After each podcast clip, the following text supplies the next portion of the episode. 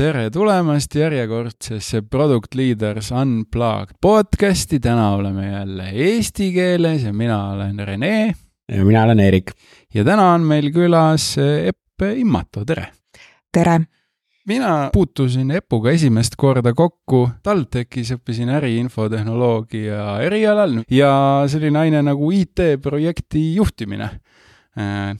oli, oli seal õppekavas ja minu lemmikaine, kõige parem aine, mida mina üldse õppida seal sain, oli. ja siis, ja siis, kui me siia podcast'i valisime külalisi, siis ma korraks mõtlesingi selle suunas, et kas ülikooli äh, poole pealt on, on mingeid tutvusi tekkinud, keda kutsuda ja siis tuligi äh, see mõte, aga esimese küsina äkki, äkki sa räägidki, et, et, et kuidas siis saab IT-projekti juhtimise õppejõuks äh, TalTechis või et, et mis see, mis see taust on? Eh, kõigepealt aitäh äh, selle sissejuhatuse eest. ma ise olen lõpetanud Tallinna Tehnikaülikooli äh, süsteemiinsenerina ja töötanud äh, üle kahekümne aasta IT-arendusvaldkonnas erinevates rollides, sealhulgas siis programmeerijana, äri- ja IT-analüütikuna, IT-projektijuhina ja ka projektijuhi, projektijuhtide kompetentsijuhina. et mul on nagu päris selline äh, lai äh, rollide paraad ette, ette nagu anda. ja ma olen töötanud nii avalikus kui ka erasektoris, olen äh, töötanud nii kodumaistes kui ka rahvusvahelistes suurettevõtetes äh, ja ka nii arenduse mõttes tellija kui täitja poolel. ehk siis tundub, et äh, võib-olla olen neid kõiki nurki läbi katsetanud või, või, või seal osalenud vähemalt nendes nurkades mm. -hmm ja võib-olla siis äh, toon välja ka mõned ettevõtted, äh, kus ma töötanud olen, et siis võib-olla annab ka sellist taustsüsteemi, et, äh, et milliste võimaluste ja, ja, ja siis probleemidega võib olla kokkupuudet olnud, et ma olen töötanud Elionis, SEB Pangas, CGI-s, Eesti Energias, TEHIK-us, praegu ma olen siis TEHIK-us, Tervise, Heaolu ja Infosüsteemide Keskus. Nii, ja peamised ärivaldkonnad siis, millega ma olen kokku puutunud, on telekommunikatsioon, pangandus, tervishoid, sotsiaalkaitse ja, ja siis äh, energiatootmine, et kui nüüd val-, ärivaldkondadest äh, võtta. kõik korralikud suured suur, ja teemad. ja ma just tahtsingi, et, et see, et see on väga sellised äh, noh, et kus nagu eksimustel on suur hind, on ju, et sa pead olema just. kindel ja. just. ja kus võib ka siis äh, eeldada, et äh, nendes ettevõtetes ka see projekti juhtimine ja projektide pidamine on niisugune noh, rohkem, rohkem tõsine kui, kui lihtsalt, et nimetame iga töö projektiks ja siis vaatame, kuidas kuidas läheb. ja TalT TEH-i ma siis sattusingi niimoodi, et ma olin juba päris mitmes nendest loetletud kohtadest ja asutustest töötanud ja siis keegi soovitas äh, minu üks üks endistest töökaaslastest, keda ma ei osanud elus ette isegi kujutada, et tema märkas ja soovitas ja siis äh, kutsuti mind nii-öelda prooviloengut pidama kaheksa aastat tagasi ja ma tegin selle ja siis pärast seda pakuti mulle seda, seda kohta. Ja õppeaine äh, nagu eripära ongi see, et äh, siin oodatakse väga sellist praktilist õpet, et ma räägin teooriast ka, aga väga suur äh, osa on siis harjutustel ja praktikal ja räägin ka elust näiteid ja räägin ka seda, mida ma olen selle projektijuhtimise maailmaga siis ise välja uurinud, et äh, tegelikult mind see valdkond on äh, päris palju aastaid huvitanud lihtsalt iseendalegi, et kuidas selles valdkonnas niimoodi toimida, et meil võimalikult vähem jamasid tekiks ma eeldan, et, et sellel teekonnal siis see arendaja roll oli, oli enne juhtimisrolle, et kuidas see, kuidas ja. see juhtus, et ühel hetkel, et noh, mõned inimesed on arendaja viiskümmend aastat. jaa, no minu eh, sellest erialast tingitult, mis ma koolis lõpetasin, siis me tegelikult saimegi kõik programmeerijateks ja see oli siis minu esimene tegevus oli või roll oli siis programmeerida. Aga äh, üsna varsti ma nagu tajusin, et äh, väga huvitav on see ümbrus, mis seal on, et äh, kui sa lihtsalt programmeerid, aga lähteülesannet pole, mida sa siis programmeerid, eks, kui sa aru ei saa, mis see lähteülesanne on või see ärivajadus, siis jälle, mida sa programmeerid. siis tekkisid suuremad tiimid ümberringi, siis ma sattusin Elioni tööle, kus oli juba päris siis suuremad projektid ja, ja, ja tegemised. ja äh, sealt kuidagi see pihta hakkas ja minu esimene siis selline äh, tõsine IT partner võib-olla Elioni aegadest alat-, alates oli tolleaegne veebmeedia ja tegelikult sealsed poisid tegid väga kihvte ärilisi lähteülesandeid, süsteemianalüüse, ärianalüüse ja mul hakkas tohutult meeldima see metoodika, kuidas nad teevad ja, ja see, kuidas nad üldse asjadele lähenevad. ja tegelikult äh, sealt tekkis mul selline sügavam huvi, et, äh, et uurida, kuidas kõike seda korraldada. Ja nüüd on see huvi siis päädinud sellega, et mul on mul on põhimõtteliselt saab valmis varsti üks ka raamat, mida ma siis kavatsen kavatsen siis kuskile lugeda anda. No suurepärane, siis me saame jälle külla kutsuda ja mulle endale meeldib äh, alati rääkida, eriti kui ma enda tööd tahan kiita, siis ma räägin, et ikka noh, kõige olulisem on ju ikkagi see, et mida me ehitame, mitte täpselt. see, et äh, et, et kuidas seda täpselt nüüd, nüüd ehitatakse, mitte, mitte et arendaja töö kuidagi oleks vähevajalik või vähetähtis, aga enne seda, kui, kui mm. koodi hakata kirjutama, seal on, midagi peab ikka enne ka tegema täpselt, siin äh, teie ühes eelmises podcastis, kus äh, Kristjan äh, püstitas ühe huvitava küsimuse, et, äh, et arendajaid on eks kahte tüüpi, et ühed on need, kes, et anna mulle user story ette, ma teen koodi, et minu asi ei ole, mida te seal lahendate. teine äärmus on see, et räägime kõik arendajale detailides selgeks, kelle millist probleemi me lahendame. ja mina olen kindlasti selle teise poole, teise variandi pooldaja ja ma toon lihtsalt ühe hea naljaka näite ka, et kui ma mõned aastad tagasi astusin ühte projekti sisse, mis oli kestnud pool aastat ja siis projektijuht lahkus, ma tulin äh, sinna projekti sisse ja üritasin äh, siis selle meeskonnaga nii-öelda tuttavaks saada ja kus me parajasti oleme ja, ja nii edasi. ja ma hakkasin ühel päeval tundma, et arendajad vist ikka päris ei taju, et mis probleemi me üldse lahendame. ja siis ma võtsin ühe kõige värskema programmeerija, mõtlesin, et ta on uus, et võib-olla siis äh, äkki tema ei tea. ja selgitasin talle ära, et äh, mis see temaatika on, mis mis see ülesanne on ja siis ta ütles mulle selle vestluse lõpus, et ma olen väga tänulik, et nüüd ma saan aru ka, mida ma pool aastat programmeerisin. et mul läks nagu palju selgemaks, et vaata, ei ole päris nii, et, äh, et noh, kood võrdub äh, user story hästi ära, eks ju, majandamine, vaid kui sa ikkagi tajud, et võib-olla see user story on ka halvasti kokku kirjutatud või sa ei saa aru, et ta ei täida seda lõplikku eesmärki, et siis tegelikult see on väga oluline, et arendaja saaks ka aru, et noh, võib-olla alati ei ole nii nojah, siin vist isegi ma ütleks, et praeguseks hetkeks vähemalt, äh, et mis ma ise olen näinud, et seda nagu on, mis see äär, nagu see, sellest äärmusest äärmus edasi on see, et et kui sa oled arendaja, kes siis ei noh, võid head koodi kirjutada, aga kes ei, ei soovi aru saada probleemist, siis sa oled juunior arendaja. sa võid maailma paremat koodi kirjutada, aga sa lihtsalt noh, nii on, on ju. et, äh, et selles osas jah, et äh, jah, ma ise nagu ka olen, olen nagu tegelikult ma, ma, ma selle, selle, see äärmus mulle meeldib iseenesest, et vähemalt see arusaam, et sa pead tahtma saada aru sellest, mis probleeme sa lahendad ja noh, see on põhjusega on see, see on nii-öelda see. see, see, see noh, nii palju, kui mina olen nagu mingi erineva materjaliga kokku puutunud, ikkagi ongi see, et, et no anna see laiem kontekst arendajale. sellepärast, et see nagu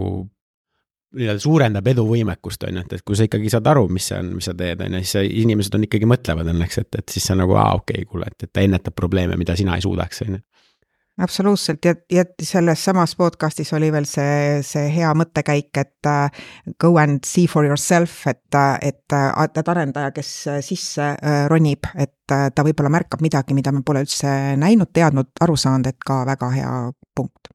ma arvan, et see ongi seal kõige olulisem ja tootejuhtimise puhul, mida mina ka push in, on see, et, et me tahame ikkagi alustuseks võimalikult palju erinevaid äh, ideid, erinevaid variante lauale käia, me kõiki neid ei jõua analüüsida, kõiki ei peagi analüüsima, aga sellest, et meil on rohkem inimesi, kes seda teemat jagavad, sellest ideid vähemaks üldiselt küll ei jää, vähemalt, vähemalt kui on selline kokku töötav tiim jah, et ma ise, ma ise olen toonud sellise võrdluse, meil Consaisis äh, oleme suured agiilsuse fännid, meil oma raamistik super, super agile, kus äh, üks äh, hiljuti lisatud peatükk ongi äh, just äh, kasutajate tagasisidega seotud. ja see selline väike mõistujutt või võrdlus, mis ma sinna juurde kirjutasin, on see, et, et, et hästi palju tehakse tarkvara niimoodi, et arendajad on justkui vangikongis, kus on akent ei ole, midagi ei ole, seal neil saadetakse isegi see user story, pannakse pilus hommikust sisse koos hommikuse pudruga ja siis nad saadavad koodi välja ja sellega ongi, ongi töö lõppenud. aga et küll oleks hea, kui me saaks väikse aknakese ehitada sellele vangitornile ja, ja selle tulemusel palju paremat ähm, koodi teha ja, ja, ja, ja Consaisis meil on, on see tõesti paljude klientidega õnnestunud, et me, et me saame käia ja vaadata, kuidas seda mm. äh, tarkvara päriselt kasutatakse. mulle tuleb sellega seoses nagu e ühest eelnevast töökohast meelde, et, et kus üks arendaja, siis oli vähe sihuke turbulentsem periood tal tiimil ja siis ta võrdles enda tööd, et see on nagu, et sa oled see sihuke nagu selline üldtööline, üldehitaja, et hommikul, hommikul võetakse sind, tuleb auto, võtab peale ja viib objektile ja siis oled oma selle tööriistakastiga ja hakkad tegema, mis öeldakse, on ju, noh, et ma loodan, et seda nagu jah, see on see, mida vältida, et, et et, et, et ütleme niimoodi, et ega ta seal pikalt seda, seda situatsiooni ei talunud, on ju, et, et see on nagu ongi, siis sa nagu hakkad inimesi kaotama ja nii edasi, see teine osa ka kõik, on ju aga jah, see on, see minu arust on see kõige parem võrdlus nagu selle, sellise tööga, et kus sa oledki nagu, et noh, põhimõtteliselt, et sul on oma tööriistakastikene ja vahetal, et täna ehitan supermarketit, homme teen siin kodu kellelegi, siis panen kipsi natukene, on ju, noh, aga jah, et ei ole kindlasti see soovitatav jaa, aga ometi on IT-tööstuses lisaks arendajatele veel asjapulkasid. Lähmegi nüüd siis tänase põhiteema juurde, mis on projekti juhtimine, projektijuhid, millal võtta projektijuhti, millal ei ole vaja projektijuhti ja, ja mida see projektijuht üldse teeb hakkame siis ühest otsast selle kaheksa aasta loengukogemuse pealt äh, äkki minema, et mis mis loom see projekt on ja meil, meile meeldib kõigile öelda, teeme projekti. et on mm -hmm. siin äh, väike, väike projekt, läheks, teeks ühe kohvi endale mm. -hmm ja et äh, võtame siis natukene aega ja räägime veidi igavamalt teooriat ka, aga mm, -hmm. aga siis üritame seda integreerida pärisellu, et kus, kus ja miks seda võiks kasutada, eks. ja projekti mõiste tegelikult on tekkinud ju vajadusest äh, lahendada mingi selge eesmärgiga suurem ülesanne, kus on vaja tegutseda organiseeritud meeskonnana ja ette antud siis piirangute raames et äh, see tähendab selliseid töid, kus on vaja kindlasti planeerida, organiseerida ja koordineerida erinevaid tegevusi, äh, ressursse, osale, osalejate vahelist suhtlust ja äh, nende tööd ja jälgida ka siis seatud piirangute jälgimist ja anda projekti edenemise seisust sageli ka ülevaadet kas mingile juhtrühmale või, või mingile juhtkonnale, kellel on nagu eriline huvi siis selle töö nii-öelda edenemise vastu ja nüüd võibki mõelda, et äh, mis vahe siis sellel projektil on sellega, kui me teeme näiteks agiilset tootearendust kaks aastat järjest, et pooled märksõnad ju tegelikult äh, kattuvad, eks te ütlete ka, et on eesmärk, eks on organiseeritud meeskond, kõik on nagu olemas. aga, aga projekti mõte on siis see, et tõesti iga töö ei ole projekt, vaid me räägime projektist sel juhul, kui äh, meil on selles ettevõtmises ikkagi vaja selliseid tegevusi teha, mis agiilne arendusmeeskond noh, vaikimisi ei ole nende rollidega kaetud. ja, ja kui tõesti üks, üks agiilne arendusmeeskond toimetab ühe, ühe toote kallal, eks vaikselt liigume, väga suurt pinget peal ei ole, eks, et rahakott veel noh, on avatud ja jätkub. Ja, ja keegi ei ütle ka, et selleks kuupäevaks peab olema mingisugune äh, miinimum viable product valmis või mida iganes, siis sa tegelikult tahadki täpselt nii töötada, nagu te mulle just ennist kirjeldasite, et äh, me mõtleme läbi, vaatame, mis on parimad asjad, valime iga nädal parimad tükid välja või võib-olla olulisemad. Ja, ja vahepeal siis põrgatame kliendi pihta või tarb-, lõpptarbija pihta ja siis äh, võib-olla muudame ka veits suunda, aga sageli just miks projektid mängu tulevad, on see, et nii lihtsalt ei lubata lihtsalt toimetada. sul on kas äh, rahal on piirang ees, sul on mingi kindel aeg, mis sa pead olema mingisuguse seisuni jõudnud või sul on äh, väga piiratud äh, hulk inimesi, noh, tööjõud, keda saab kasutada ainult lühikeseks ajaks või on tegemist väga mitmete meeskondadega või on ka mitme ettevõtte meeskondadega, kes peavad kuidagi üksteise tööd sünkima või on üksteisele sisendiks ja kõik see tuleb äh, majandada, organiseerida, kui on vaja mingeid hankeid vahepeal korraldada, on vaja mingeid lepinguid sõlmida, on vaja aru anda, akte allkirjastada, mida iganes, selliseid ebamugavaid tegevusi, mida mitte ükski noh, arendusmeeskonna liige ei taha kuulda ega nähagi. see oli ka teie ühes podcast'is väga kenasti välja toodud, et ma ei taha mitte midagi näha, ma ei taha neid äh, roadmap'e ja mitte midagi ei taha taha näha, et ma tahan tööd teha, eks, ja tegelikult see on normaalne. ja vot see ongi see põhjus, miks äh, siis projekti juhtimine tuleb sisse võtta ja mis on veel, et kui see töö on seotud siis äh, mingite riskidega, et see on üldiselt ka risk on ka see, et kui me noh, ajas ja eelarves ei püsi, aga neid riske võib veel rohkem olla, või näiteks ütleme, et on kolm meeskonda, kes peavad toimetama ja võib-olla nad ei saa omavahel, ei ole ühisel lainel, võib-olla neil on vastuolud, jällegi, sa pead inimesi ka juhtima teatud teatud äh, siis tööde puhul. ja vot kõige selle äh, majandamiseks on vaja kedagi, kes selle ära juhib. Ja noh, kui me tuleme nüüd sinna, et äh, tootejuht äh, agiilses arenduses saab ka mitmeid asju teha, sellest võime hiljem äh, täpsemalt rääkida, aga, aga see on siis üks põhjus, miks projekti, projekti põhiselt üritatakse mingeid asju lahendada.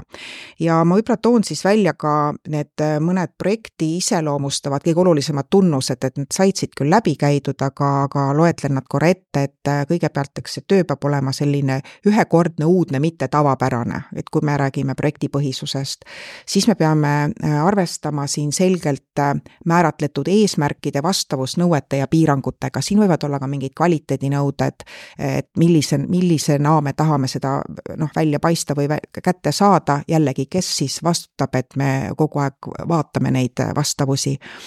Ja ajaline piirang, seda ma juba ütlesin, eelarveline piirang. Äh, ja kindlasti siis see ka, et kui on äh, kas mitme üksuse, mitme erineva asutuse või mitme erineva meeskonna vahel vaja mingit koostööd koordineerida, et siis peab jälle kokku leppima, kes siis tervikut koordineerib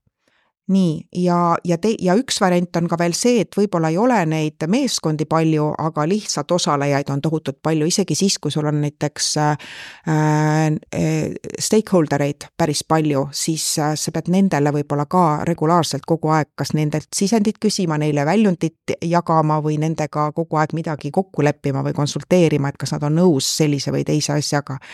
ja, ja see on jällegi siis projektijuhti, projektijuhi töö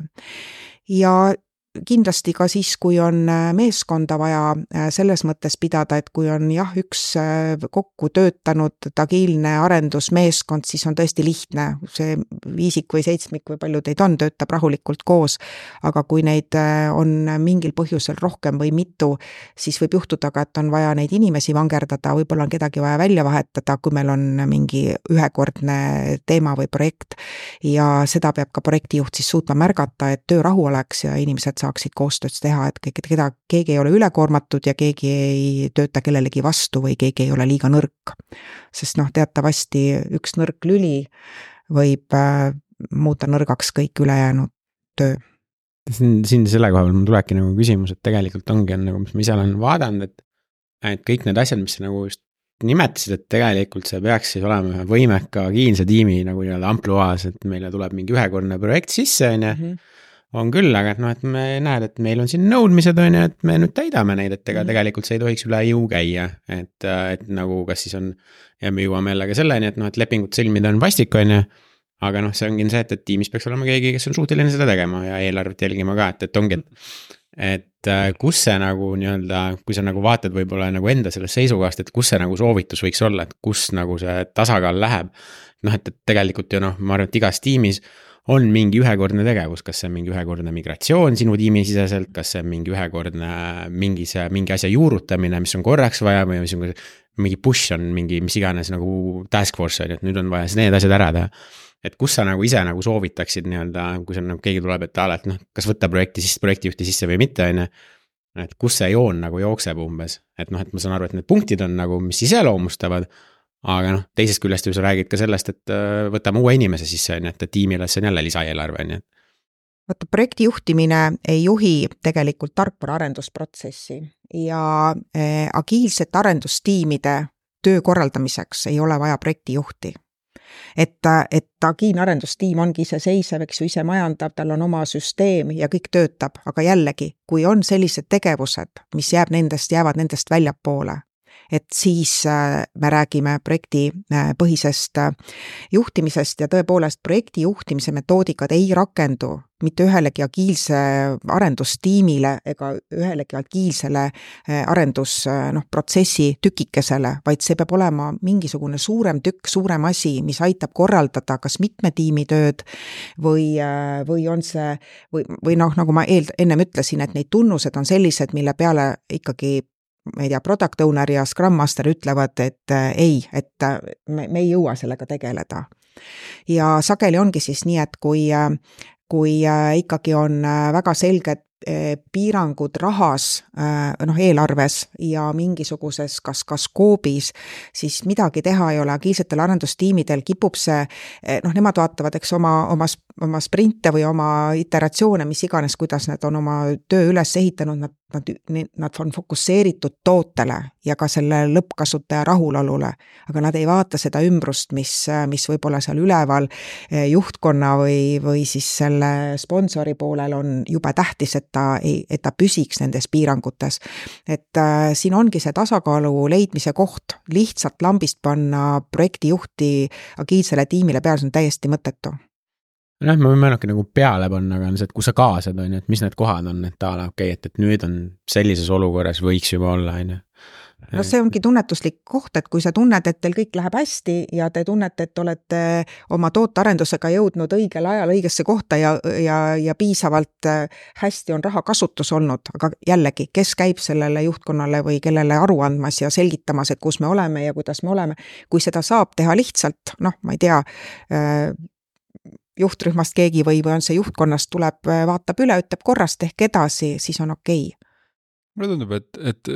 kindlasti minu jaoks isegi kõige olulisem on ikkagi see osapoolte arv. absoluutselt. et ongi ühe, ühe tiimi sees kõik räägivad omavahel mm, -hmm. kõik teavad, mis mm -hmm. toimub, vaatavad sellele oma Kanban mm -hmm. board'ile peale, kõik Täpselt. on, kõik on näha. aga nüüd, kui sul on selle ühe Kanban board'i asemel on täpselt. viisteist, siis ühel inimesel neid kõiki üle vaadata juba on selline poolepäevane töö no ma toon võib-olla selle näite ka, et äh, pangast, kui ma töötasin pangas, siis äh, pangas oli ju, äh, arendus oli oma majas sees ja seal olidki agiilsed tiimid. Ja telliv pool oli panga üks korrus ehk äriosakond, siis oli IT-osakond, kes oli täitev pool nende jaoks nagu täitja ja siis olid meil äh, agiilsed arendustiimid. ja meil olid äh, alati projektijuhid nii tellija poolel, kes tegelikult pidi kokku korjama äh, päris palju infot ja, ja selgust, et mil-, mida me täpselt ikkagi tahame äriliselt teha, mis reeglid ja, ja nõuded on, ja selleks ei olnud ka lihtsalt, et üks äriline tellija tuleb ja räägib natukene arendustiimile, see oli nagu väga põhjalik äh, eeltöö, et aru saada, mis on äriline lähteülesanne, kusjuures kaalutakse alati äh, korralikes ettevõtetes ka erinevaid ärilisi alternatiive, et need ei ole mitte ainult IT-alternatiivid, vaid ka ärialternatiivid, nii mm. -hmm. ja siis tuldi selle lähteülesandega IT-osakonda, kus oli vastas teine projektijuht, kes hakkas siis korraldama missugused tiimid me üldse võtame, et mida üldse on vaja lahendada, see sõltub sellest, millise tiimi poole ma pöördun. siis äh, selgus, et on vaja hoopis väljast kuskilt äh, tellida konsultanti veel, kes äh, mingisugust spetsiaalset kohta oskab, siis sa pead need konsultandid komandeerima Eestisse nendega majandama, tegema, leidma neile töökoha, siis äh, küsib äh,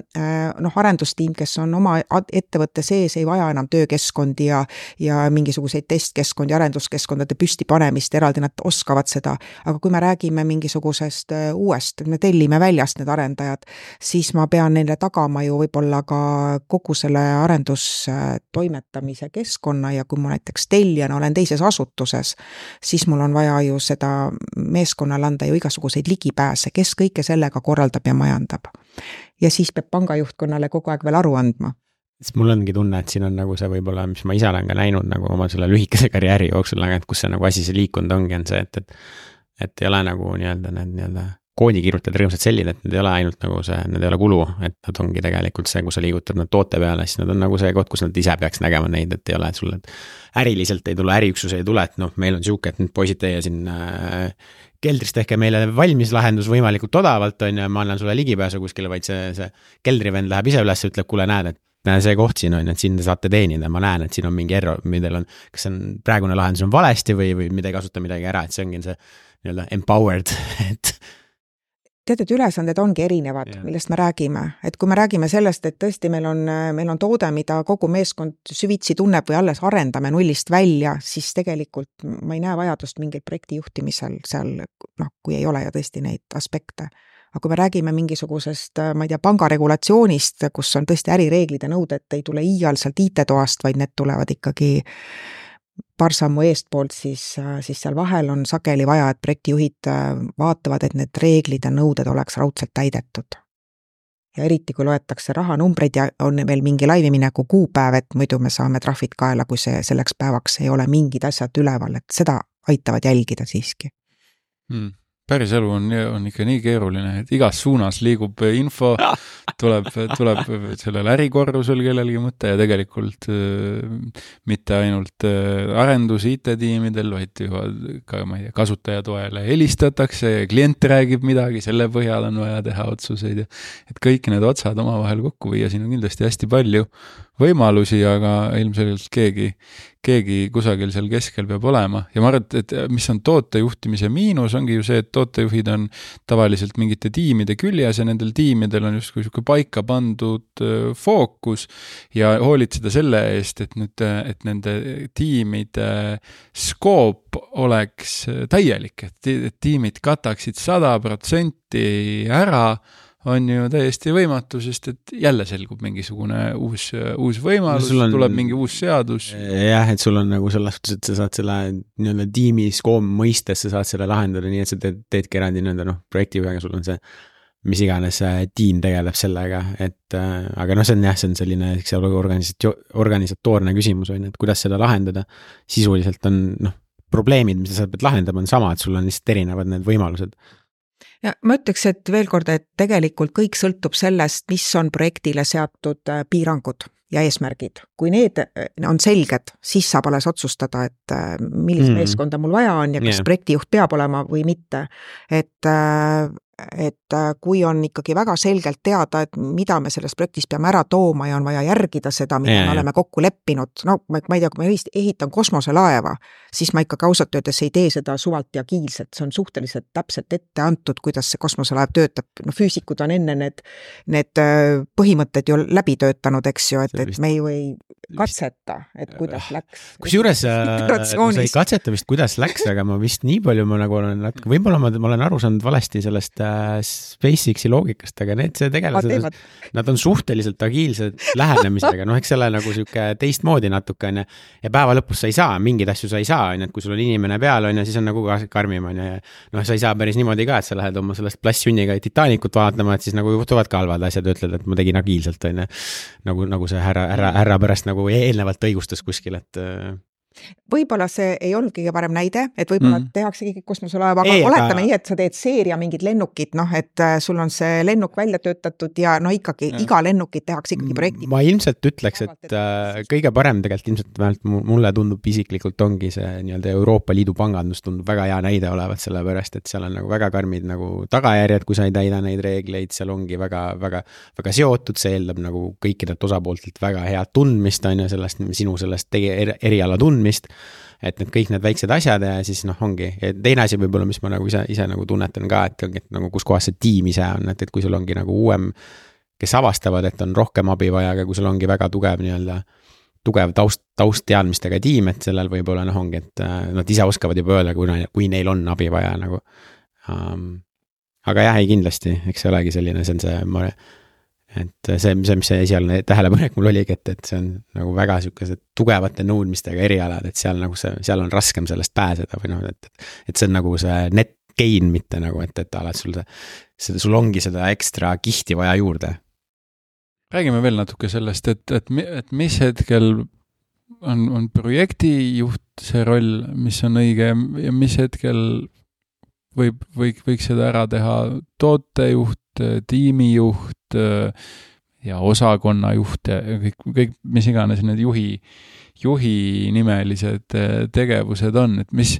mis nendel tihti erinevus on minu meelest projektijuhiga, on see, et noh, et, et, et kui on tiimijuhid ja mingisugune osakonnajuhid, et siis nemad on,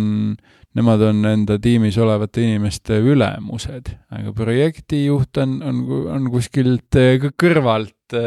teistmoodi sisse, sisse tulija ja see on, see on, mulle tundub, et see on, on suur erinevus, aga samas üsna kergekäeliselt ikkagi mina olen rohkem näinud seda, et ikkagi nii-öelda see osakonnajuht, tiimijuht või,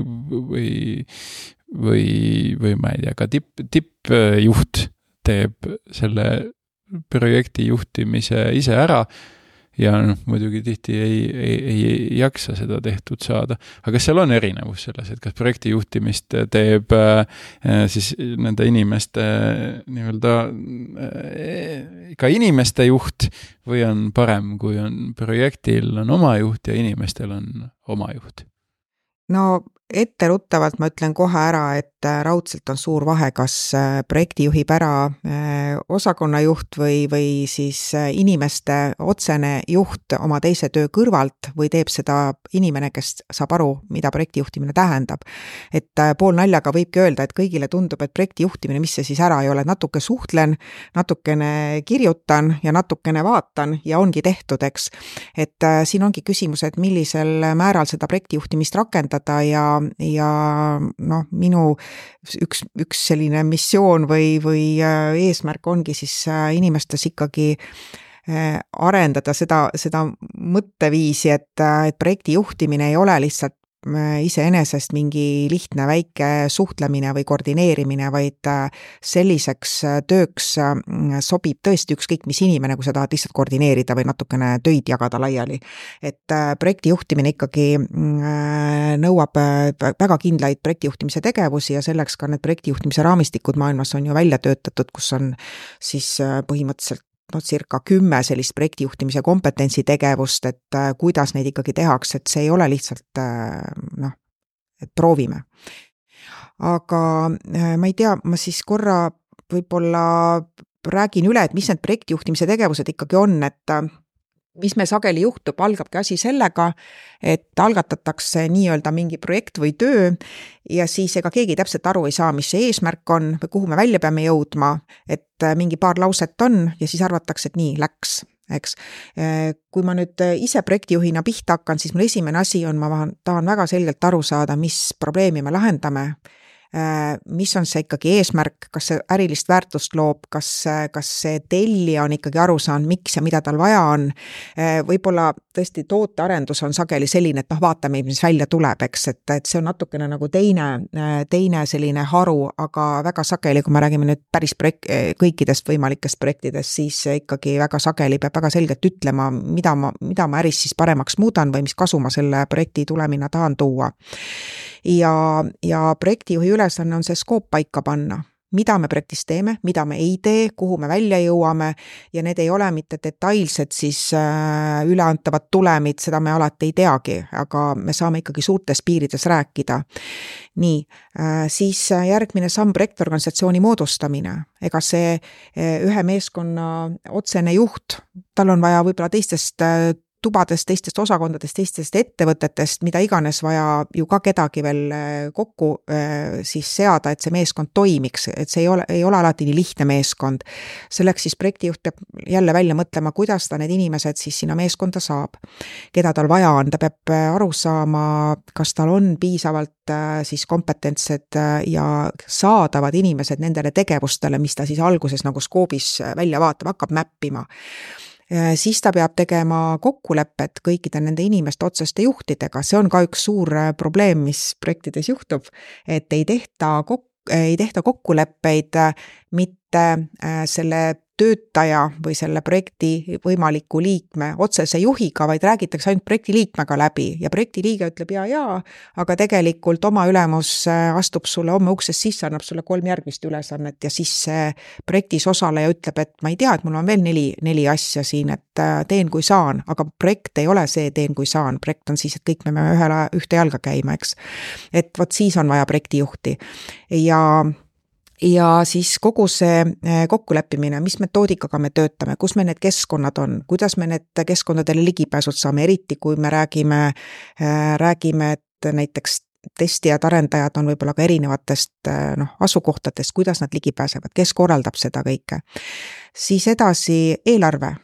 sa pead ette kujutama, kuidas sa selle eelarve niimoodi ära jagad, et lõpus äh, miinus miljon ei jääks, eks. sa pead enam-vähem ikkagi tajuma, kuidas need tükid on. kui on agiilne arendus, öeldakse, et nii, me teeme, ma ei tea, kümme sprinti või kümme iteratsiooni, siis jagadki selle raha niimoodi ära, sa veel täpselt ei tea, mida sa toodad, aga sul on võib-olla eesmärgid, mida sa kümnendaks valmis pead tegema. et mingil määral saab igasuguse loogikaga projektis planeerida, tükeldada ja siis vaadata, kas me oleme noh, järje peal ja kindlasti riskide haldus. eriti mitte kedagi ei huvita riskid peale projektijuhti, kes teab, et ta peab sellega tegelema. Ja mitte projektijuht üksi, eks ei mõtle neid riske välja, vaid tema koos meeskonnaga, aga tema peab juhtima, ta peab esimese äh, riski, äh, väikese noh, riskide tuvastamise tegema, eks tahad, tahad vahele öelda? ei, see on muuseas, see on, äh, ma muidu väga nagu suur projektiarmastaja ei ole, aga see on üks asi, mis on selle kõige tugevam külg minu arust, et ongi. et see on asi, mis toob need välja, muidu on need riskid on, kipuvad olema nagu ära silotud, nagu nendel teed, iga tiim teab enda riske. aga sul ei ole sellist nagu risk, tervikriske tervikriske on nagu mm -hmm. raske ära kaardistada ja siis mm -hmm. tulevadki sellised üllatused mm.. noh, mida ma, mida ma äh, sageli tajungi, et kui on äh, kaks organisatsiooni, üks on tellija, teine on täitja siis äh, hakkad mõlemal poolel, hakkame noh, riske kaardistama, alguses proovime mõlema meeskonna käest küsida, mis teie näete riske, projektijuht muidugi peab ise esimese seti välja pakkuma, ei ole nii, et teised ütlevad ainult. ja mis siis juhtub? Äh, väga huvitav on see, et äh, alati üks pool ütleb siis teise poole kohta, oi, seal on palju riske ja teine pool ütleb esimese poole kohta, seal on palju riske ja need ongi tõesed, need riskid. aga see väljaütlemine juba hakkab nagu mõlemat poolt kergelt mõjutama, et ahah, ta arvab, et me ei saa siin tellimusega hakkama, eks. ja tellija ütleb, ahah, et äh, tellija arvab, et me ei saa siin testimisega hakkama, et no siis teeme ja hakkabki, läheb juba paremaks ja mis veel on äh, hästi sageli, on see user acceptance testi, testing, et äh, sellega ma olen ka nii palju näinud probleeme, kus äh, kus äh, ega täitvat meeskonda, äh, noh, teevad need äh, testid ise ära, eks, unit testid teeme ära, siis anname need testid sageli sellele tellivale projektijuhile või projektijuhile üle ja projektijuht siis mõtleb, et no ma ei tea, ise ka natuke vaatan või mida iganes. ja, ja kõige halvemal juhul on see, kui tellija on rumal ja ütleb, et andke meile ka need testilood, me testime ise ka siis, et siis ongi, ongi siis user acceptance testing, noh tegelikult eks ei saa ju samade testilugudega testida lõppkasutajad kui arendajad, et miks te, miks te sedasama asja kordate. jällegi, kui on hea projektijuht, siis ta korraldab selle asja nii ära, et ei, ei läheks lappama, me ei teeks neid samu teste kolmes kohas ja tegelikult mingit kasu sellest ei ole, sest lõppkasutaja testid tulevad reaalses elus ja kõik plahvatab. Minu meelest nende, nende riskidega peaks olema kõik inimesed teadma sama asja, mida teatakse intressidega, et liitintressiga mõned protsendid ja anna, anna aega ja ongi varandus olemas, et siis ju riskidega samamoodi, et igal tiim, iga tiim on väga kindel, üheksakümmend seitse protsenti kindel, et me saame selle asjaga tehtud ja siis tähendab, et ei saa. kakskümmend viis tiimi läheneb nullile hirmsa kiirusega, see õnnestumine. see on see, mille pärast äh, igasugustele kihlveokontoritele meeldivad need nii-öelda multiplier'id või, või äkad või accumulator bet'id, sellepärast sa paned nagu kümme sihukest near sure asja ritta ja oma arust oled selle sihukese konfitsendi välja endale ehitanud, aga, aga noh, reaalsus on vähe teistmoodi et. mida mina olen kogenud, on see, et, et, et tihti isegi kui midagi planeerida, siis ei olegi selle asja nimi riskijuhtimine, vaid takistused, paljud on juba teada. kas see on, kas see on ka, kas, kas see läheb ka riskijuhtimise alla, kui on sajaprotsendiline risk? või see on juba midagi muud? ja ma siin ka siis korra äh, liigun sinna teooria suunas, et äh, tegelikult tõesti on suur vahe, kas me räägime probleemist või riskist. et probleem on see, mis on juba juhtunud, probleem mhm. on, jama on käes, eks. aga risk on äh, risk on eba eh, siis äh, soodne sündmus, mis võib juhtuda mingi tõenäosusega, tuues kaasa mingi, mingi suurusega kahju. ja kui keegi räägib, et äh, me siin maandame hoogsalt riske, siis tegelikult riske ei saa maandada, sest riski definitsioon juba ütleb, et risk on alati äh, tõenäoline, mingisuguse tõenäosusega, mis võib juhtuda. sa ei saa seda maandada, kui sa saad maandada, siis see on äh, mingisugune noh, probleem, mille, mille sa lihtsalt lahendad ära. et kui sa näed projekti alguses juba, et meil on probleem, mille, mida on võimalik ära nullida, ütleme niimoodi, siis see on maandamine hmm.. ja kui sul on äh, tingimus, et sa ei saa seda maandada päris lõpuni, siis see, siis see on risk no see on see, et äh, mis on see risk accepted nii-öelda, et a la, et nagu sa oled teada andnud, et see ongi tegelikult täitsa riski staatus, et lihtsalt ja, kõik osapooled on teada, et see on selline ja, maandamata see on risk. okay. mm. -hmm jah, mul, mul peas vist lähevad need probleemid ja riskid lähevadki sassi, sest et mm -hmm. noh, et mhm. iga probleemi maandamisega või paljude probleemide maandamisega on ka risk, et kas see õnnestub maandada või mitte, et a la, et minu näide on, et, et ettevõttes hetkel mingit kompetentsi ei ole, aga, aga tegemist on sellise asjaga, mida saab õppida, aga et kas me nüüd selle, kas ma ei tea, arendajad mm -hmm. saavad selle asja sellise ajaga selgeks, nagu me ette kujutame mm -hmm. või see võtab hoopis kauem, see on nüüd juba mm -hmm. risk okei okay,, jaa, see on äh, õige mõttekäik või selline arusaadav mõttekäik, aga, aga siis peabki kokku leppima, et kui kui sa maandad seda probleemi Andarus sellega, et sa noh, loodad lähiajal kellegi välja õpetada, siis äh, see jääk, mis sealt võib-olla jääb riskiks, on suhteliselt väike näiteks ja siis seda üldse sinna riskiregistrisse ei pruugi pannagi, sest jällegi me ei räägi igasugustest võimalikest väikese tõenäosuse korda mõjuga riskidest, ainult nendest, mis on tõsiselt suured.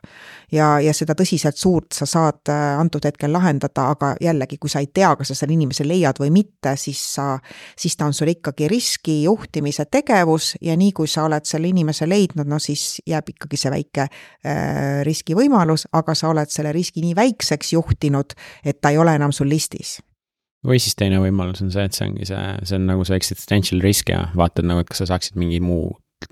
asjaga see ära lahendada, et sa ei peagi otsima seda rolli. ostad väljast teenuse näiteks. ostad ja... väljas või sa kasu, ei kasutagi seda nagu mm -hmm. üritad vaadata, okei okay,, kas ma saan selle noh, ütleme mm -hmm. mingi osa sul on, kas ma saan mingi SaaS-i siia kuskile sisse lükata mm -hmm. või noh, mhm. niimoodi, et okei okay,, et ma väldin selle tegemist mm. -hmm. just, just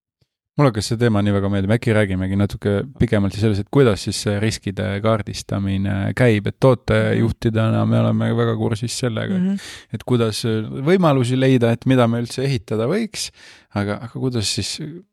kust siis selle riskidega peale hakata, kes, kes need osapooled seal on mm? -hmm. et äh, projektipõhises äh, maailmas siis äh, riskide juhtimise eest vastutab äh, selgelt alati projektijuht aga ta ei tee seda mitte kunagi üksi. ja mis on siis esimene soovitus, et projektijuht peab tegelikult kaardistama, kui ta selle projekti üldse selle alguse saab, siis ta peab kaardistama, mis riskid juba ees on olemas. ideaalis äh, juba enne projekti algatamist tegelikult kaardistatakse riskid äh, nii-öelda ärilise tellija poolt, ta juba ise ütleb, mis on riskid. kui seda pole tehtud, siis, äh, siis nii-öelda täit-, täitva poole projektijuht peaks vaatama, mis on ka seal eespool, äkki on juba lepinguriskid eks, äkki on juba mingisugused täiesti lähteülesande riskid, et lähteülesanne on täiesti segane, on väga suur risk näiteks. või et on ebarealistlikud tähtajad või ebarealistlik äh, väike rahasumma, see on ka juba risk, eks, et me ei suuda seda näiteks ära teha. aga igal juhul on projektijuhi äh, kohus äh, kaardistada esialgsed tähelepanekud ja mida ta saab sealt siis võtta, noh, loeb kõiki eelnevaid dokumente või sisendeid, mida talle on antud, on need siis koosolekud, mis iganes jutud. ja e, kasutab siis ka oma eelnevate sarnaste projektide, ma ei tea, õppetunde, eks oma kogemust, kõike, mida, mida ta leiab. nii, äh, saab need äh, riskid siis kaardistatud, mis need Need on nüüd riskikandidaadid, need ei ole veel riskid ja siis ta võtab oma meeskonna ja küsib meeskonnalt, mis te arvate, kas need on riskid, mida ma siia sain? Eh, erinevad meeskonnaliikmed oskavad eh, noh, tähelepanu pöörata erinevatele aspektidele, eks testija näeb testimise riske paremini, kes näeb parem, paremini lepinguriske, kes näeb vastaspoole riske või, või mis iganes eh, stakeholder ite riske ja nii edasi ja siis hinnatakse nad koos läbi ja kõige noh, odavam riskide hindamise meetod on siis see, et korrutame läbi siis juhtumise tõenäosuse ja ja, ja siis selle mõju suuruse. no siis saad mingid skoorid kätte ja siis äh, otsustate, milliste riskidega te hakkate tegelema. mida ei tohi kindlasti teha, projektis ei saa tekkida viiskümmend riski, me ei jõua neid iial juhtida, see on lihtsalt liiga kallis. võtate ainult need top riskid, mis on ja kui ongi viiskümmend kõrge skooriga riski, siis palun ärge alustage, vaid juhtige ennem neid riske, kui te alustate projektiga, no siis ei ole mõtet, eks. see on üks risk, see on halb projekt, aga. jaa, et jah, et mm -hmm. kui on selline risk, et on liiga palju riske, siis ma soovitan mitte veel alustada, siis tuleb korra maha vaadata, istuda. ja hästi kähku siis üritan kokku võtta, põhimõtteliselt äh, projektijuht siis saab äh, rääkida kõigi inimestega, kellel on ligipääs olemas, tutvuda kogu dokumentatsiooniga ja, ja selle põhjalt juba tuleb välja, ehk siis, et need riskid tegelikult on nendes osa, nendele osapooltele või mingile osapoolele teada, aga keegi peab nüüd need kokku koguma ja süstemaatiliselt äh, nendega tegelema. Ja mis on hästi oluline, et mitte nüüd meil ei pannud skoori paika ja jäänud sinna kuskile tabelisse seisma, vaid nendele olulistele riskidele tuleb nüüd need juhtimistegevused juurde mõelda. kes mida saab teha ja, ja jällegi projektijuhtimise teooria ütleb, et ja, ja praktikas ma olen seda väga palju kasutanud, me igale riski kirjutame siis nii-öelda juhtimis-vohjamistegevuse ja kes vastutab, kes seda teeb. ja siis me mingisuguse kokkuleppega lepime kokku, millal me seda noh, vahepeal kontrollime, kas ta on teinud, kas tal on läinud paremaks, võib-olla ta tegi midagi, mis selle riski eh, koefitsienti vähendas nii palju, et see kukkus siit listist üldse välja me ei pea sellega terve projekti tegelema. et riskiregister on dünaamiline, aga jällegi sellega ei tohi hulluks minna, et sa, ma ei tea, iga nädal vaatad riskiplaani kaks tundi üle, et jumala eest, seda ei ole vaja teha noh, mul on äh, siin sellega kogemus, et see oli nii-öelda korra sprindis, vaatasin üle, on ju. et noh, et äh, ainukene nagu sihuke negatiivne asi, mis sellega läks, et see nagu ta läks monotoonseks äh,. et see ongi, et iga kord vaatad, et noh, et ta on nagu äh, kvartali alguse poole on ta nagu huvitavam, et sul on jällegi nagu selle uue projekti või isegi tegelikult nagu tootearenduse põhjal, et see on nagu, mis sul on sinu nagu, sinu kvartali plaan, et noh, sa ei pea seda tegelikult projektile, sa saad tegelikult tootepõhiselt ka teha. et iga tiim nagu näitab, okei okay,, näed, et see on, me arvame, et meie plaani täitmiseks see on kõige suurem risk meile, on ju. aga jah, et ta kipub Väga... monotoonseks minema, et see on nagu see, et kuidas sa seda nagu huvitavana hoiad ja siin on väga suur oht, tegelikult täpselt sama oht on see, see mm, tagasiside koosolekud, ma olen noh, küll ja veel kuulnud, kuidas äh, agiilsed arendustiimid ütlevad, et kõige õudsem on see retrokoosolek, kui ma pean midagi alati arvama, et mul ei ole midagi arvata, eks, et noh, kui seda ei ole, eks siis ärge, ärge üle forsseerige, riskidega on täpselt sama, seda ei saa nagu jõuga, et muudkui tuleme ja arvame midagi. et äh, siin on jällegi, kuidas saab hea projektijuht kaasa aidata, et ta oskab doseerida seda õigesti mitte liiga palju, mitte liiga vähe ja ta ei pea seda kogu aeg koos meeskonnaga kontrollima, kuidas riskide juhtimine on läinud, ta võtab need inimesed ette, kel, kes vastutavad nende riskide täitmise eest. aga uusi riske küsitakse ikkagi kogu meeskonnalt, võib-olla on uued tekkinud vahepeal. ei, ei, sa saad, võtad Sendol ja siis paned sajale inimesele miitingu ja, ja just, siis vaatad. vot, vot seda ei tohi teha, vot seda ei tohi teha. no minu jaoks on, no ma nüüd tõmban kõigega paralleele selle tootejuhi tööga ja tootejuhi töö suur osa, eks ole, on kasutajatega või potentsiaalsete kasutajatega rääkimine, et neilt kuidagi välja pigistada see, mis, mis, mis äh, muudatused äh, nende jaoks äh, sobilikud võiksid olla. siis mulle tundub, et, et inimestega vestlemine riskijuhtimise eesmärgil on, on ilmselt samamoodi, et, et sa ei saa minna ta juurde öelda, öelda, noh, tere mis riskid on, et selle peale ei oska enamused inimesed midagi öelda sa ei küsigi, eh, jah, sa saad ainult oma tiimilt seda küsida, kes, kes on selles valdkonnas lihtsalt sees, aga tegelikult väljastpoolt sa küsid eh, teiste lausetega seda ja sa ise eh, tuletad sellest, mis on riskikohad mm. -hmm. kas läheme edasi järgmiste tegevustega no.? Eh, riskijuhtimisest eh, saab rääkida kauemgi. kuidas sellega on, kas on Eestis eh, just IT-maailmas olemas inimesi, kes nagu eraldi tegelevadki riskide juhtimisega või see on ikka lihtsalt projektijuhi eraldi kompetents, sest et ma usun, et, et on kindlasti suurtes ettevõtetes on eraldi ka riskijuhid, aga tava, mina ei ole näinud ka suurtes ettevõtetes, et riskijuht tuleb kuskile projektiriske korraldama või sättima, et pigem on see ikkagi projektijuht ja kui projektijuht ei ole, siis äh, peab see tootejuht olema koos muidugi selle siis nii-öelda tiimijuhiga, on ta siis Scrum Master või kuidas seda parajasti nimetatakse, et nemad kahasse peavad siis neid riske äh, noh, jälgima aga ei ole nii, et keegi projektist väljast tuleb, üritab projektist aru saada nendest riskidest, see on, pigem on see, et kui on ettevõttes mingi riskijuht, siis tema ülesanne võiks olla see, et ta,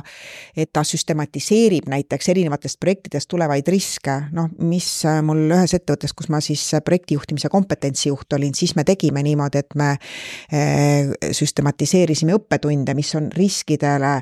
järgmise projekti riski juhtimisele väga hea sisend, et sa vaatad õppetunde, mis, mis tüüpi projektides, millise millises valdkonnas, mis jamad juhtusid, noh, õppetunnid, ja siis sa kasutad seda riskijuhtimises, vaatad, kas neid, kas neid asju võib siin projektis olla. et äh, selleks võib olla küll eraldi keskne inimene, kes siis süstematiseerib pärast neid, et neid on lihtsam leida, sest kui me lihtsalt korjame riske labaselt mingisse nimekirja, kus on juba sada rida, siis mitte keegi ei jaksa neid lugeda hmm.. see on nagu kaks, kaks võimalust, mis mõlemad on head, et koguda asju, tänu millele projektid õnnestuvad ja koguda asju, tänu millele ei õnnestu. nii me tegimegi, just. põnevam lugeda on muidugi, et mida mitte teha. mõlemad pooled on väga head, et mida, mida teha, et hästi läheks ja tegelikult, kui sa oled süstematiseerinud ja sul tuleb sama tüüpi projekt, siis äh, projektijuhil on tark just neid kohti lugeda, aga nagu ma veel kord ja. ütlen, et kui keegi süstematiseerib sul niimoodi, et sul on igast kohast sada rida, siis mitte keegi ei jaksa neid lugeda, et sa pead nagu hästi selgelt äh, fokusseeritult neid kuidagi struktureerima, et inimene leiab oma augu üles ja leiab sealt oma viis iva. kommunikatsioon, nii, mis projektijuht siis veel teeb? no mis projektijuht veel teeb, sellest lepingutest ja hangetest ma rääkisin, jällegi see sõltub, eks, kui on äh, väike tiim, äh, toimetab ühe toote kallal, siis jällegi ei ole midagi, aga ma tean väga paljusid projekte, kus projektijuhi kõige äh, äh, suurem osakaal tööst ongi hangete tegemine, hangete läbiviimine ja nende hankepartneritega suhtlemine ja nendega eelarve, noh, arvest-, arveldamine ja nii edasi. et, äh, et jällegi sõltub täiesti projektist, et ma arvan, et äh, projektijuhtidel see hangete koostamine on võib-olla üks kõige vähem huvitav äh, osa selles kogu töös, eks, ja ja rohkem põnev on äh, võib-olla planeerimine ja, ja siis noh, ka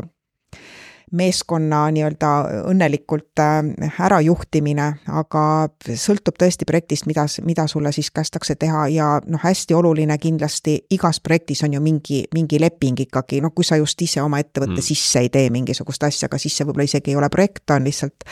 selline äh, noh, arendusprotsess, ütleme niimoodi, et kui ma teen äh, tootearendust oma ettevõtte sees vaikselt, siis ma ei pea seda isegi projektiks nimetama, mul võib see ju olla lihtsalt üks noh, selline pikk protsess, kus me toodet arendame, me võime teda nimetada projektiks, aga tal ei ole projekti tunnuseid. jah, et või noh, tal ei ole kõiki neid projekti tunnuseid, et, et see ongi see, kus sa eelnevalt mm, -hmm. kus sa rääkisid, et sul oli siis nagu palju osapooli, on ju, et me räägime erinevast divisjonidest. No, sulle, et sul seda hanget otseselt ei ole, on ju, et mm -hmm. aga, aga sul on mingid muud tegevused ja pluss siis on nagu noh, meie see meie, meie lemmik migratsioonid, on ju, et noh mm -hmm., migreerimine ongi, seal on niisugune ühekordne tegevus kõikidele tiimidele ja anna tuld, on ju. Mhm. et, et hanget otseselt ei ole, aga, aga koordineerimist ohohoo kui palju nii kui läheb suureks koordineerimiseks ja, ja, ja riskide juhtimiseks, nii mina soovitan võtta seda projektipõhiselt ja see on selge, et igas projektis kõiki projektijuhtimise tegevusi pole vaja teha, see ei tähenda, et siis projekti ei ole. Mina vaataks ise sedapidi, et, et lepingud äh, täidavad ka teisi rolle, aga tegelikult lepingud on ka üks viis lihtsalt kommunikeerimiseks ja kui ettevõtte sees tehakse, siis ilmselt jah, ei ole neid peeneid lepinguid, mida, mida mingisugune eh, advokaadid üle vaataks, aga, aga, on... aga suhelda omavahel on ikka vaja, et kas seda teha lepinguga või seda teha lihtsalt user story'de nimekirjaga, et ma panen, minu peas nad on natuke samas kohas, kuigi on erinevusi ka. no, no selles suhtes on päris õige, see, et sul on, ütleme, kui sulle öeldakse, et näed, et meie selle, meil on vaja need süsteemid ära ühendada, siis see on konkreetne leping, et näed, et kui sellega hakkama ei saa, siis on nagu halvasti natukene, et et, et see on mm. leping, noh. mina olen näinud isegi, et oma ettevõtte siseselt tellija ja täitja osakond teevad omavahel noh, piltlikult öeldes lepingu, et ta noh, mis iganes dokument ta siis on, aga üks kirjutab, et kuidas ma tahan, et see asi tehtud saab ja seda nimetatakse siis ka tinglikult projektilepinguks, ehk siis üks projektijuht pärast kontrollib, et kas see, mida me tellisime siin, kas see vastab ja täitevprojektijuht noh, kogu aeg töötab vastu neid, neid nõudeid, et ka projektil võivad olla nõuded, mitte ainult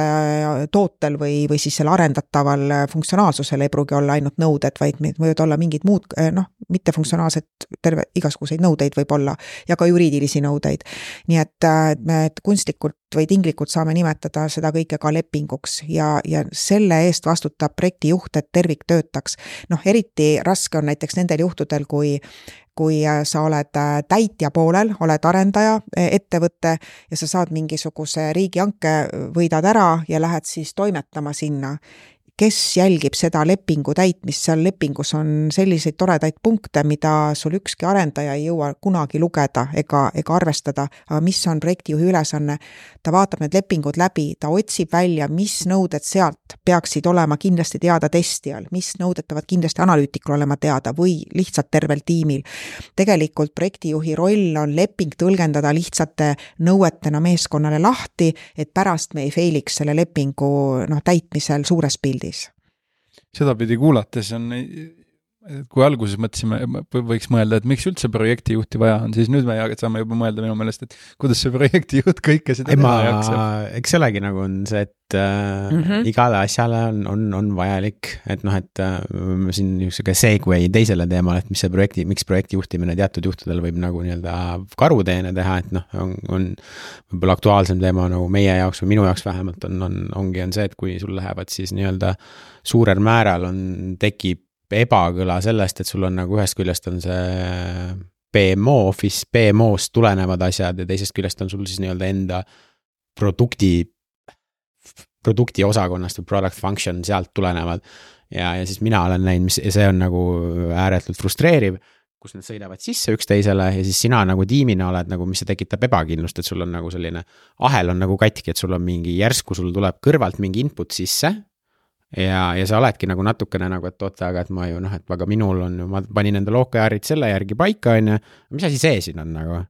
ja, ja need on nagu väga jõulised ja kui sul on, on nagu suuremas organisatsioonis veel, et mis see omakorda toob kaasa,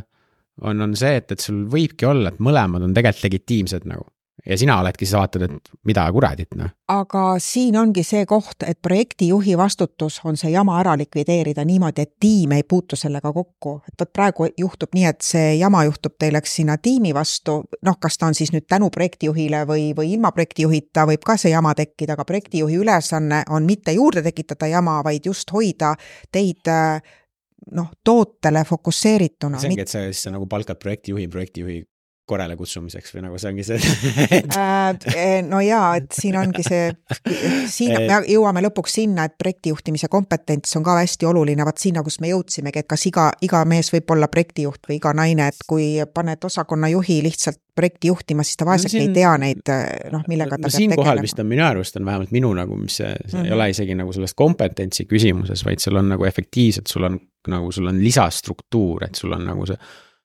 firma justkui, see organisatsioon on justkui ühtepidi üles ehitatud, on ju. aga siis järsku sinna nagu sigineb mingi asi juurde ja noh, ilmselt kui sa lased aega ja sa suudad need protsessid kuidagi nagu ära nagu harmoniseeruda mm, -hmm. siis on okei okay.. aga see esialgne see, et, et see on nagu selline, et ta tekitab nagu. aga tead, projekti mõte ongi see, et luua jõuga eh, tavapärasele struktuurile sisse või kõrvale üks ajutine uus organisatsioon, kes on tähtsam kui see, mis seal ümber parajasti toimub. sest projekti mõte ongi see, et ta on niivõrd tähtis asi, et me peame fokusseeritult saama selle tehtud nende piirangutega mm -hmm. küll. ja kui äh, meid häirib see igapäevane elu, et äh, mingisugused äh, osakonnajuhid nõuavad seda, teist või kolmandat, inimesed ei saa aru, kes on nende otsene juht hetkel selles projektis, siis, siis ei toimugi seda projekti tulemi nagu, saavutamist. see isegi võib-olla ei ole nagu selles projektis, see on nagu üleüldine selline, see ongi Aha. see, et, et a la, et sul on, noh, sa oledki, mina olen ju noh, tegelikult nagu nagu see agiilne tiim, on ju, mina olen oma boss, meie oleme tiimiga oma bossid, on ju. järsku mul on kaks bossi juures nagu kuskil. et, et, et see, see aspekt võib-olla, et ja siis teine ongi, on see, kus see nagu see konflikt tuleneb, siis sul ongi, on samaaegselt, mitte et keegi nagu meelega halvasti või valesti teeks. aga samaaegselt sul on justkui kaks filosoofiat ja, ja siis sa nagu üritad seal ellu või noh, et ellujäämine on nagu raske sõna, aga see on sihuke selline nagu ja siis sealt minu, mina omakorda küsingi, et nagu minu selline võib-olla sihuke produktiinimese küsimus on selle pealt, et okei okay,, et väga tore aga mis täpselt seal selles projektis on need asjad, mida ei saa tiimile edasi, mida tiimid ise ei saa ise üle võtta nagu. noh, kindlasti mingid asjad on sellised, on ju, aga mingid asjad on sellised, et kuule, et nagu näe, projekti asi on, see on ju ajaliselt, ajaliselt kestvusega, et. miks sa, miks sa pikendad seda projekti mul seal kogu aeg, et nagu, et näed, kest-, otsas mm, -hmm. tšau no igal juhul ei ole mitte mingit eesmärki projekti juhtimisel, et ta võtab kuidagi tiimilt mingisugust äh, vastutust ära, mida ta on harjunud noh, ise kandma. või et äh, veel hullem, et projektijuht tuleb, vaatab, kuidas tiim töötab, seda, seda ei tohi olla. üheski agiilses arendustiimis projektijuht ei kutsu neid kokku ega ei hakka, ei hakka nendega arutama, see on äh, selle äh, arendusmetoodika küljes kinni, mida te olete arenduseks valinud. ja projektijuht äh, suhtleb ainult äh, pigem selle product owner'i ja siis heal juhul Scrum Masteriga, et kuidas parajasti on vaja, aga kindlasti ta ei tule tiimi juhtima ega neile ülesandeid jagama. Mm.. noh, eks see olegi selline organisatsiooni struktuuri teema, et, et kui ongi mitu, mitu jumalat, keda peab äh, sama tiim äh, teenima, ilma et aru saaks, et kes see nüüd kõige olulisem on, et, et siis ongi juba läbikukkumine ja seda ei saa ka projektijuht äh, enam parandada. jaa, aga projektijuhi ülesanne ongi, vot miks on, see projekti planeerimine on kõige raskem koht tegelikult, kui sa seal teed kehvasti, siis sa fail'id kogu aeg lõpuks või oled hädas ja rikud ka meeskonnaelu. aga projektijuhi ülesanne on ongi teha eel, eelkokkulepped eh, nende tiimide saadavuse, üldise saadavuse kohta, et kui sa täp-, noh, sa ei tea ju täpselt, mm. kus ja kuidas, aga sa saad ikkagi öelda näiteks, et äh, seda tiimi on mul vaja, ma ei tea, viiskümmend protsenti selleks neljaks kuuks või, või ütled mingisuguse osakaalu ja siis tõesti seda ülejäänud viitekümmet protsenti või võidakse lubada mujale ja no siis on, alati on raske see, et mis päeval tiim siin või seal toimib, aga sa pead need raudsed kokkulepped tegema, et ei saaks tulla sellist olukorda, kus mingi järgmine tähtis äh, nõudja ütleb, et mul on need need ülesanded, sa pead olema kokkulepped kõikide nende võimalike mm. nõudjatega omavahel ka teinud, mitte ainult tiimiga. tiim lubab igale poole ennast, inimesed on heatahtlikud, aga ma ikka teen sulle mm. -hmm. siit on mul küsimus, et mis on siis nagu ütleme, et sul on see ajaline kestvus on ju, aga et noh, et kus see projekt nagu on see, et kuule, et see ei ole enam projekt, et nagu mis ajaline on aasta, et noh, kuule väga tore, et sa aasta aega projekti teed või kaks aastat, kus see on see, et kuule, et sul on toode juba? kui sul on äh, ja ma ütlen, et ütlen ausalt, et noh, me võime projektiks nimetada igasugust pikka, pikka tööd, eks, aga kui võtame ikkagi projekti definitsiooni ette, siis äh, projekti lõpptähtaeg peab olema tegelikult juba alguses selge, kuhu, mis päeval meil see projekt lõpeb. sest äh, kui me ütleme, et meil on ükskõik mitu aastat aega ükskõik palju raha selleks kulub, no siis see, see põhimõtteliselt ei ole projekt nimetada võib, aga tal ei ole projekti tunnuseid. et äh, ja siis ei ole ka midagi nii kohutavalt juhtida selles mõttes, et noh, siis, äh, siis saabki rahulikult, kõik, kõik protsessis liiguvad, niikaua kuni raha otsa saab ja noh, see teine vist ongi, on see, et kui see projekt ise ongi, ta on nagu lihtsalt nii pikale ulatuv, et noh, reaalselt ongi see tiim, kes iganes sa kokku paned, et sul on see no, ületab umbes keskmise arendustiimi eluaja juba, et, et noh, et kuule, et nagu, et Eh, ma ei nimetaks seda projektiks ja, ja mida veel, kui ongi selline, oletame, et on selline pikaajaline toode, et me tõesti saamegi aru, et me teeme seda lennukit, ma ei tea, viis aastat mõtleme välja, siis äh, palun tükeldage mm. -hmm. Te, te saate and-, öelda vahe-eesmärke, tehke väiksemaks ja alati soovitataksegi, et tehke parem kümme väikest kui üks suur projekt ja nimetage neid äh, siis kasvõi numbritega taha, et ma ei tea, see on see, see koht vist, kus saab selle toote ja projekti õpiku saab nii-öelda selle find, find all ja replace all äh, vahendiga, et see on seesama kehtib ka ju meie, meie puhul, et kui sul on üks äh, epic on liiga suur ei ole no, nii-öelda või story sul ei ole deliver dav ühe sprindiga, siis täpselt. võta kirves ja anna minna. riskide, riskide maandamise mina ütleks number üks on ja. see, et äh, absoluutselt et,, väiksemad sammud. et igal juhul tükeldage nii, et äh, kui te tahate projektidest rääkida, nendel on ikkagi mingisugune algus ja lõpp, mingisugune eesmärk, mingisugune noh, väljund, mida te tahate nimetada, on see siis tegevusväljund või, või üleantav mingi kood või, või mingi toode, mis iganes, aga, aga alati on selle vastu vastu lihtsam inimestel töötada ka, et ma saan aru, mis on see siht noh, jõuame jälle sinna, et äh, kas user story on piisav siht või, või ma tahaks teada, noh, mis peab väärtus olema lõpuks sellele kliendile või, või kellele me müüa tahame midagi mm. -hmm. jaa, kas mingeid kompetentse veel on, milleni me veel ei jõudnud? no arendustiimi kompetentsidest meil täna, eks ju, ei ole plaanis rääkida ja, ja iga tiim noh, ja iga projekt on ka unikaalne, eks, et, et milliseid kompetentse vaja on. Aga, aga need põhirollid me rääkisime ära, eks, et projektijuht, product owner ja siis arendustiimi otsene juht, kes ta siis iganes on mm. -hmm. et need on olulised ja kindlasti siis ka see tuleb läbi mõelda, et kui see toode või teenus valmis saab, et kas toote eh, omanik on see, kes seda siis enda hoole alla võtab või on mingi teenuse või tootehaldur eraldi roll, et noh, kes siis üle võtab ja kes seda edasi majandab, eks, ja tema, tema siis nii-öelda eh, elu jooksul vigu ja probleeme parandab, et eh, mina olen palju selliste toodetega kokku puutunud, kus, kus tooteomanik ise nagu ei, ei, ei majanda pärast enam neid igapäevaseid haldusküsimusi. Also known as kõige hullemad tooted see, mina olen see suur-suur uskuja, et you build it, you support it, et. ja äh, kui nii saab, siis oleks super, jah mm aga samas ma olen ka näinud äh, neid äh, mitte tooteid, aga juppe tootest, mis on kümme aastat olnud muutumatuna, kõik mm -hmm. töötab ja isegi ei kurdeta. mitte toode. jupid, mitte toode, jah mm. -hmm. aga ja, ja võib-olla veel siis sellest äh, projektijuhtimise ülesannete jagamisest, et noh, neid sai nüüd tegelikult siin igat, igat ühte peaaegu on juba siin ära mainitud, mis need projektijuhtimise tegevused on. Ja ütlen veel kord, et kui on vähegi võimalik, et need tegevused, äh, mis nimetatakse projektijuhtimise tegevusteks, on võimalik ära jagada olemasolevate inimeste vahel, siis see on täiesti okei. Okay.. et ma ütlen veel kord, et projektijuht, äh, projekti läbiviimiseks ei pea olema projektijuht aga peab olema projektijuhtimise tegevused täidetud, mis vajalikud on, eks. ja tulebki peale vaadata, kui on mingi projekti juhtimise tegevus, mis antud projektis on vajalik ja seal ei ole katjat, siis on, siis on kehvasti. ja kui on katjad olemas, siis jagage, kuidas tahate palju, eh, kõige rohkem võib-olla neid projekti juhtimise tegevusi langeb eh, tooteomanikule mõned langevad eh, siis eh, tiimijuhile,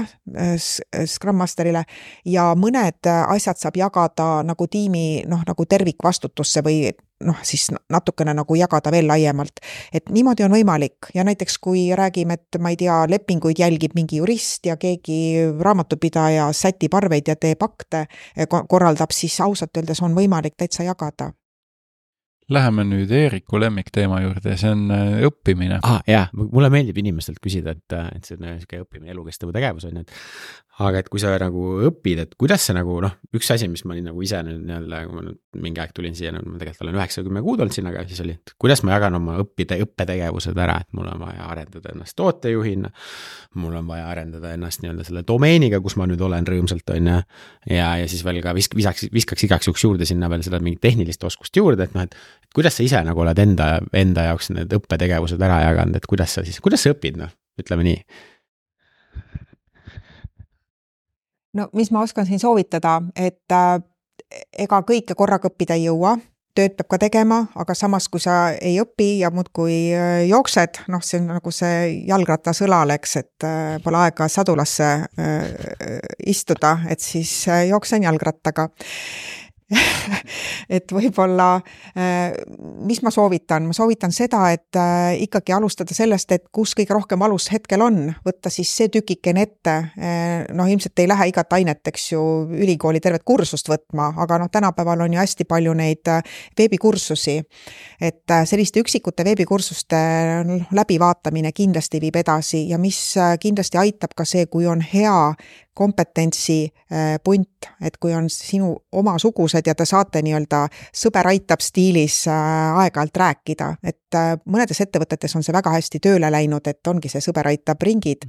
meil on sõber aitab ring. jaa mm., aga ma olen näinud ka selliseid ringe, kus, kus no nagu kunstlikult, et no meil on siin nüüd tuleb projektijuhtimise mingi klubi kokku ja siis tegelikult äh, kõik algajad räägivad omavahel, kuidas neil kõik halvasti läheb, et sellisel ringil ei ole sügavat äh, sügavat efekti, eks. et noh, kui kõik äh, lihtsalt lõbusalt äh, oma noh, õnne, ebaõnnestumistest räägivad, et siin peab ka vaatama, kuidas aega targalt kasutada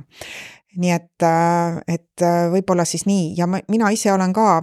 mind on huvitanud kogu see projektijuhtimise majandamine, kuidas igas tükis noh, hästi õnnestuda alates tellijast, alates targa tellija tekitamisest või targa tellija noh, tegevustest kuni siis sinna lõpuni projekti läbiviimiseni välja, et et ega see ei ole nii, et võtan kõik korraga kümme teemat ette, eks ma olen äh, jupikaupa, võtan ühe teema ette, siis noh, näiteks riskijuhtimine, teed endale selle selgeks, mõtled, proovid läbi ja siis vaatad, mis järgmine teema on, korraga ei jaksa kõike. kas on mingeid konkreetseid soovitusi, et kuhu poole vaadata, et ma ise juba podcast'i alguse põhjal või tähendab, nagu, nagu mainitud, saan soovitada, et TalTechis IT-projekti juhtimine saab ilmselt ka, ka eh, ilma ülikooli sisse astumata nii-öelda, mis on vaba, vabaõppes eh, raha eest, mis üldse ei ole väga kallis, tulla õppima, aga, aga mis veel, et kust, kuhu, kuhu, kas on mingi konkreetne koht, kuhu vaadata siis, kui tahaks projektijuhtimise oskuseid arendada? Ega ma väga hästi ei tea küll selliseid kursuseid, TalTechis on, äh, ma arvan, kolm äh, inimest, kes projektijuhtimisest räägivad.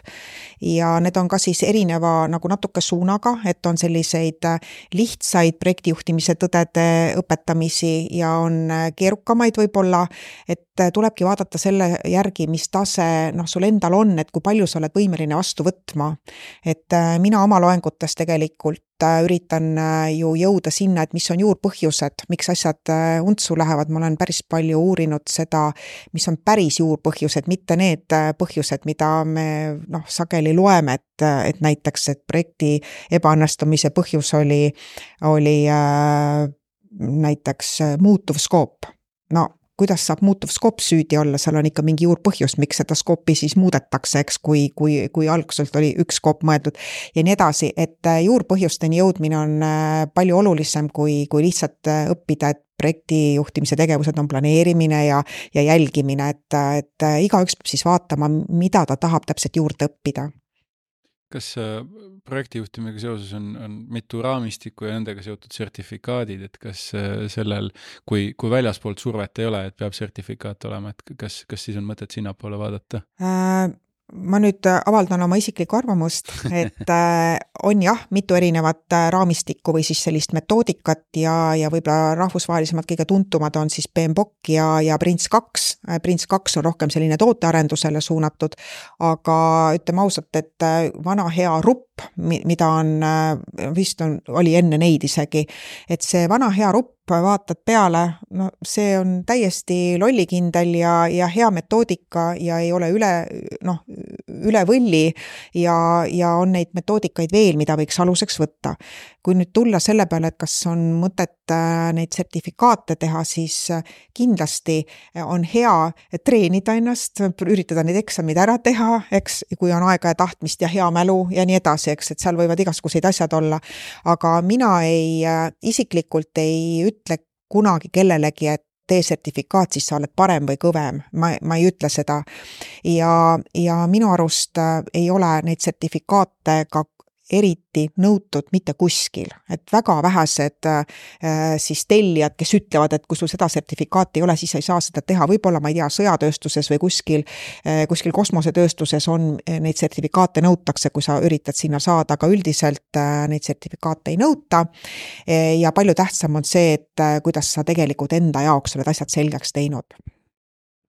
selge, minul rohkem äh, küsimusi ei ole. Erik, kas sul on veel midagi? Äh,. Random küsimus, et äh, mis on viimane kõige parem raamat, mis sa luge, lugenud oled ja mida soovitad lugeda? mida ma soovitaks projektijuhtimise äh, kontekstis, võib-olla mis raamatut ja mis on äh, võib-olla väga üllatus, et on äh, olemas äh, äh Ion Krakaueri raamat äh, Hõredasse õhku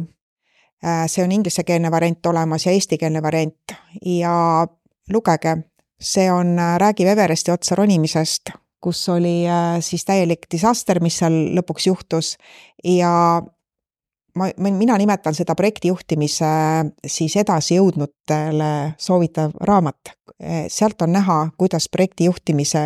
siis vigade tõttu juhtuvad asjad. et, et võib-olla siis seda soovitaks. väga hea soovitus